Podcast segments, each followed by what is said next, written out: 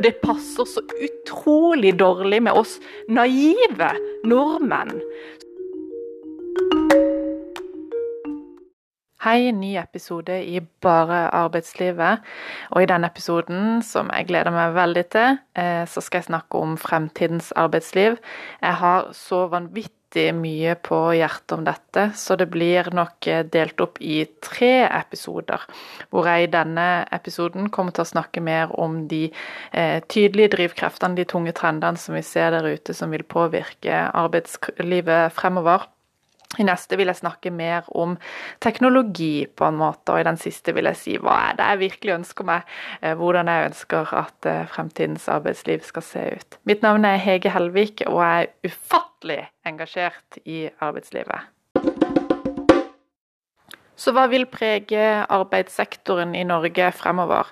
Hvis man ser litt på konteksten, og som sikkert flere av dere har fått med dere de siste ukene, snakk om perspektivmeldinga, hvor Finansdepartementet eh, gir noen eh, fremskrivinger av hva som skjer med velferdsstaten vår, så vil vi måtte klare oss med færre midler eh, med, eh, i velferdstjenestene våre i årene fremover. Altså det blir fortsatt kutt i stat og kommune.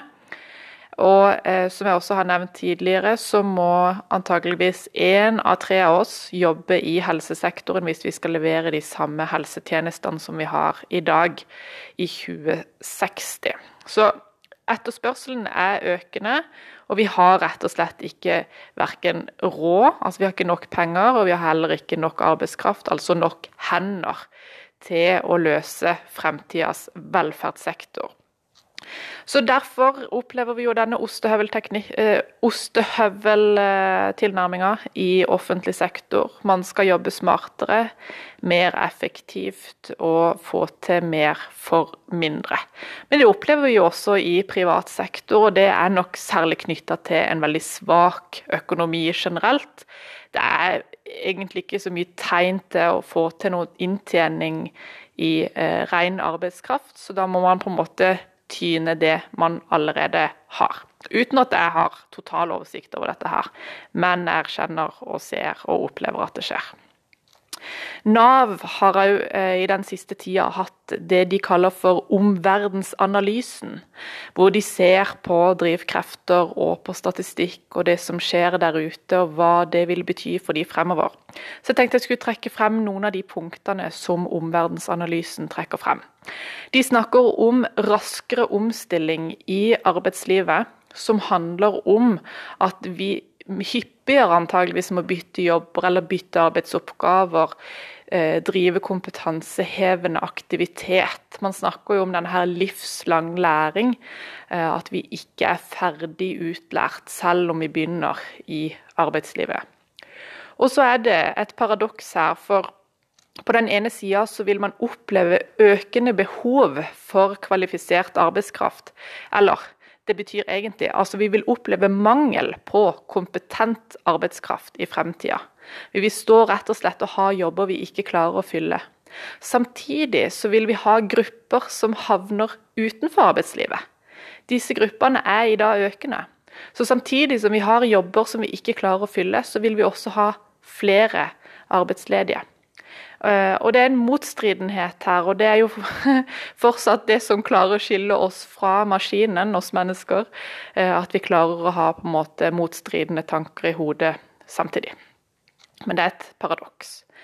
Vi må da altså ha hyppigere jobbskifter og oppdatering av kompetanse. Eh, og det er økende behov for sammensatt, spesialisert kompetanse i arbeidslivet. Så det, det, er nok snakk om stor grad av tverrfaglighet, sånn som jeg tolker det. Det er ikke nok å bare være en ingeniør lenger, men du må ha noe mer. Eller det er ikke nok å bare være en lege, men du må kunne noe mer. Ok, vi opplever sterkere aldring. Det betyr at langt flere av oss vil havne utenfor arbeidslivet, altså være pensjonister. Det er en stor gruppe etter hvert i samfunnet vårt. Eh, så ser man jo at det er litt sånn færre med helserelaterte ytelser. Eh, så vi betyr jo at vi antageligvis holder oss friskere eh, lengre. Men dette kan jo også da snu, som de påpeker, hvis flere havner utenfor arbeidslivet. Og vi ser jo at det er flere unge uføretrygdede, og at det er en gruppe som øker. Så jeg mener denne er jo særlig viktig å ha et godt øye til. Og så er det jo spennende å se hva som skjer med de eldre blant oss. Fortsetter de å være i arbeidslivet eller være en ressurs, eller eh, gir de på en måte opp den delen av sitt liv og heller eh, konsentrerer seg på å kose seg og ha det fint og gjøre alt annet enn arbeidsplikt. Eh, og tallene der er jo også snur, hvor flere eldre nå oppgir at de eh, ikke har lyst til å stå lenger enn nødvendig i jobb. Vi har jo samtidig en sånn forventning til eh, at teknologien skal hjelpe oss ut av disse tingene. Eh, og det er klart at på den ene sida vi klarer å gjøre mer sjøl nå gjennom eh, selvbetjeningsløsninger. Eh, veldig mye av det vi har av dialog mot offentlig sektor i dag, kan vi gjøre sjøl, bare gjennom tasttrykk. Vi trenger aldri å møte f.eks. en person på Nav hvis jeg skal ha utbetalt permisjonspenger. Så trenger jeg aldri å møte en fysisk person, som gjør at mye mer av dialogen faktisk går digitalt. Så igjen er det en slags paradoks at vi eh, opplever et økende press på de hendene som er i offentlig sektor, samtidig som vi kan få hjelp fra teknologien.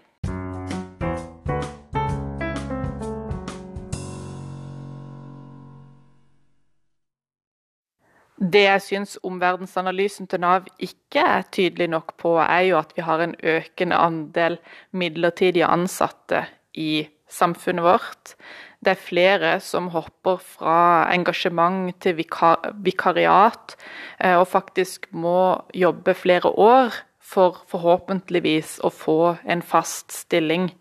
Eh, og jeg mener jo òg at eh, kanskje konsulentbransjen som er en del av, er på en måte et symptom på dette her. At vi vet ikke hva vi jobber med om et år. Oppgavene og prosjektene er under kontinuerlig endring. Eh, og sånn tror jeg nok flere i arbeidsmarkedet faktisk må eh, bli vant med fremover. Så et stort spørsmål der er hvor, hvor høy grad tåler man som enkeltperson å stå i kontinuerlige endringer til man rett og slett til slutt ikke orker mer. Og Det andre som Nav-analysen heller ikke er tydelig på, er jo en økende gjeldsbyrde hos oss nordmenn. Vi tar opp stadig mer lån, bundet opp i eh, boligene våre. Og det er jo et kontinuerlig kappløp som jeg mener at de unge eh, sakte, men sikkert eh, også taper. Eh, og dette er med på å øke forskjellene. Både det med å kunne eh, få tak i en fast, trygg jobb, og også det å få tak i en fast, trygg boligsituasjon, eh, er eh, stadig vanskeligere. Og hvis ikke vi gjør noen endringer, så vil det bli enda vanskeligere fremover. Og dette er jo med på å sette sinnet mitt i kok, fordi det er med på å forsterke økende forskjeller i samfunnet. Og for de som har fått med seg det, så er det en forsker nå ved SSB som nå trekker frem at én av fem kroner går direkte i lommene på den rikeste énprosenteren i Norge. Og jeg ble rett og slett så forbanna og oppgitt og trist, for jeg trodde ikke at det sto så ille til i Norge. Men dette her mener jeg virkelig burde være startsignalet for en kamp. For forskjellene nå øker eh, så dramatisk, og det har fått pågå så lenge nå under radaren uten at vi har visst det. Eh, og det er direkte gift, det er direkte skadelig for det samfunnet som vi eh, potensielt alle sammen skal være en del av fremover. Eh, tilliten vil være skadelidende når forskjellene øker. Eh, tilliten vi har til hverandre, som i dag er med på å skape eh, nye bedrifter, nye initiativer, nye metoder, nye måter å jobbe på. Den tilliten der, hvis forskjellen er for høy, så forsvinner den. Og det påvirker også tryggheten. Så i samfunn hvor det er høy grad av forskjeller, så er også tryggheten vesentlig svekka. Og det passer så utrolig dårlig med oss naive nordmenn som reiser rundt i verden og tenker ja, her er det trygt, og så viser det seg det er jo ikke det. Altså, Du risikerer faktisk å bli slakta på en bensinstasjon. Men vi forstår det ikke.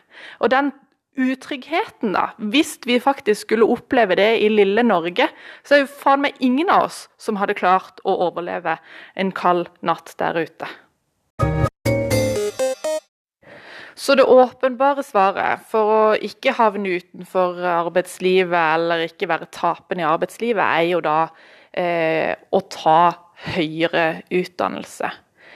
Men det er jo ikke nok.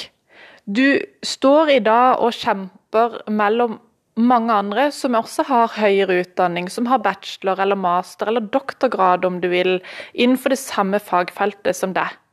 Og når jobber mot offentlig sektor, som man jo også tenker skal være litt sånn trygge og gode, eh, står og kan velge mellom 200 høyt kompetente søkere, så er det klart at sjansen for at det blir akkurat det, er minimal. Hvis ikke ikke du har en god relasjon da, til den som leter etter jobb, så kan du jo tenke at din sjanse øker betraktelig. For da har de faktisk allerede en mening om det. Så plutselig så er det jo på en måte ikke hva du kan som er viktig, men hvem du er som er viktig. Hvilke nettverk du har, hvilke relasjoner du har, og hvordan du faktisk ter deg i møte med ditt nettverk. Skaper du noen gode relasjoner, eller ødelegger du for deg sjøl? Det er jo det som står igjen, og er det store spørsmålet, eh, og som vil, tror jeg, skille eh, fremtidens eh, arbeidstakere som lykkes og ikke. Det handler ikke om hva du kan, eller hvordan du jobber, men hvem du er som person hvordan du ter deg rundt andre folk. Det handler i så mye større grad om emosjoner, hvilke følelser du skaper. Um, I episode fem, tror jeg det var, uh, som jeg har kalt for 'Hvorfor vi ikke forstår hvorfor vi jobber', så snakker jeg om dette her med eh, som Sinek, eh, Simon Sinek har en sånn golden circle hvor han tegner opp tre sirkler som handler om hva vi gjør som den ytterste sirkelen, hvordan vi gjør det som den mellomste sirkelen, og hvorfor vi gjør det vi gjør som den midterste. Som hvor jeg da stiller meg spørsmål hvorfor er det så viktig for oss å vite hvorfor vi jobber? Er det ikke nok å vite hva vi holder på med og hvordan vi skal gjøre jobben vår for å kunne trives i jobben? Men i økende grad så må vi faktisk også fortelle oss hvorfor det vi gjør er viktig. Eh, og jeg tror det er nettopp den eh, evnen til å formidle din historie hva er det du gjør i arbeidsmarkedet som vil være eh, viktigere i årene fremover for å kunne skille, skille deg eh, ifra de andre? Og For min egen del så merker jeg jo at det hjelper jo betraktelig eh, i møte med ganske seine timer eh, i den jobben jeg har. Jeg kontinuerlig periode og går og tenker på det eh, hele tida. Og så kan jeg bli litt sånn sur på meg sjøl, for jeg vil helst ikke tenke så fryktelig mye på jobb. Men når jeg klarer å omsette det til hva som virkelig betyr noe for meg, så gir det likevel mening. Når jeg kan klare å se at den jobben jeg gjør, på en eller annen måte kan påvirke eh, den fremtida som vi nå eh, hvis vi ikke gjør noe, jeg sikter imot, som handler om økende forskjeller der ute. Hvis jeg gjennom min jobb faktisk kan både få eh, kunnskapen og eh, formidle engasjementet mitt på en god måte, eh, og faktisk treffe folk der ute eh, som kan gjøre det mer bevisst, så er det klart at noen sene nattetimer gjør det verdt for meg så er det jo ikke meninga å bare få dette til å handle om meg, men det er jo lettest å trekke meg sjøl frem som et eksempel når jeg snakker om disse eh, tematikkene. Vi vil møte fremover kutt. Det kan være permitteringer og nedkuttinger i hver en enkelt bedrift. Og da er jo spørsmålet hvem er det som sitter igjen, og hvem er det som må gå? Og det er liksom lett å tenke at ansiennitet eller det å ha masse kompetanse burde telle, men dessverre så er det jo ikke sånn i dag. Jeg syns litt synd egentlig på mange av de eh, seniorene der ute som har jobba et helt arbeidsliv. Eh, og eh, antageligvis sett frem til å kunne være Eh, den med mest kompetanse, den som vet best, som alle andre ser opp til. Og eh, antageligvis har sett for seg en roligere arbeidshverdag, hvor du på en måte har jobba deg oppover hierarkiet. Og så havner du på en måte i eh, dette millenniet og finner faktisk ikke det du trodde skulle komme. Hvor kompetansen din er ikke verdt så mye som du hadde håpt. Og du kan faktisk ikke slappe av. Fordi at du må eh, utvikle deg. Du må eh, tilby noe nytt. Og hvis emosjonene og på en måte følelsene blir viktigere, så er det jo klart at den eldre garde også sliter. For de har jo gjennom sitt liv blitt fortalt at følelser skal man jo helst ikke snakke noe om. Man skal eh, være happy go lucky hele veien, og det gjelder jo for så vidt vår generasjon også. Men eh, det er ikke lov da å vise at man er engasjert, eller det er ikke lov å vise eh, at man er sur eller lei seg. Eh, men det er kanskje nettopp de som klarer å vise litt sanne følelser og vise engasjement og vise at man blir forbanna. At man faktisk når gjennom. Eh, og da når vi er tilbake igjen til hvem som blir permittert, eller hvem som blir kutta bort eh, Og nå er det jo gjerne hele bedrifter som går dundas, det er ikke det. Men når valget står der, så er spørsmålet hvem er det lederne har lyst å ha med seg videre og ikke. Eh, og eh, jeg kan nok antageligvis være litt for ærlig i noen situasjoner, så for meg så er det eh, kanskje jeg lever et eh, litt farligere liv når jeg tør eh, og vil og må gå imot ledelsene på en del punkter. Jeg klarer faktisk ikke eh, å sitte på hendene mine. Men samtidig så er det jo antageligvis et eller annet jeg gjør riktig også, uten at jeg helt klarer å sette fingeren på det. For folk stadig sier at det er gøy å jobbe med meg. Og kanskje er det nettopp eh, et engasjement og det lidenskapen min og det at jeg brenner for det jeg gjør, som eh, jeg ikke klarer å holde tilbake, men som skinner eh, gjennom. Men igjen, dette her handler egentlig ikke om meg, jeg bare bruker meg som et eksempel. Jeg tror eh, igjen at relasjoner, det å klare å pirke gjennom og skape eh, skape en bevegelse, da, en følelse hos folk, bare vil bli stadig, stadig viktigere i eh, arbeidslivet. Og når man står der og skal velge mellom eh, ansatte, hvem som skal fortsette å gå og ikke, så er det ikke ansienniteten gjenger. Og kanskje antageligvis ikke kompetansen heller, men det er hvilken følelse du sitter og har for de ansatte. Og det å være en frisør f.eks. i dag, la oss si at det er veldig mange frisører i et marked. Jeg vil jo gå til den frisøren som jeg har en følelse for, som jeg har vært hos før, som jeg har snakka med, og som skaper noe hos meg da i det besøket utover en bra sveis. Så det er igjen, altså uansett hva du jobber med, så vil den relasjonen du bygger, være viktig. Og for en introvert som meg sjøl, da, så er det klart at dette er noe jeg kontinuerlig må jobbe med. Jeg er veldig glad i eh, bokser og prosesser og ting eh, som går i hop. Eh, og så liker jeg veldig godt å sitte alene og pusle med ting. Lese meg opp, jobbe ut ting. Men eh, jeg må erkjenne at livet mitt nå, arbeidslivet i hvert fall, handler om å sitte i Teams-møte etter Teams-møte, ta telefoner eh, og svare ut mail. Det er på en måte ikke så mye tid for meg å utvikle meg egentlig faglig. Eller utvikle min kompetanse innenfor de jobbrammene jeg har i dag. Som betyr at det må jeg gjøre på fritida mi. Jeg må lese meg opp, jeg må undersøke hva er det som kan hjelpe meg i min jobb. Og det er ingen andre som faktisk kan fortelle meg det. Den må jeg leite frem sjøl. Så igjen, Eh, jeg mener de rammene vi har i dag innenfor arbeidsmarkedet, det passer ikke i hop eh, med det vi faktisk prøver å få til, da. Hvis vi skal være et kunnskapssamfunn, hvis vi skal få til noe der. Så, eh, så blir det blir helt feil at vi skal bruke så vanvittig mye tid på nettverksbygging og relasjoner og den delen der. Og er vel kanskje et symptom på at det, det, er ikke så vanvittig mange oppgaver som egentlig gjenstår. Bortsett fra det å kunne klare å logge seg inn på et Teams-møte, dessverre.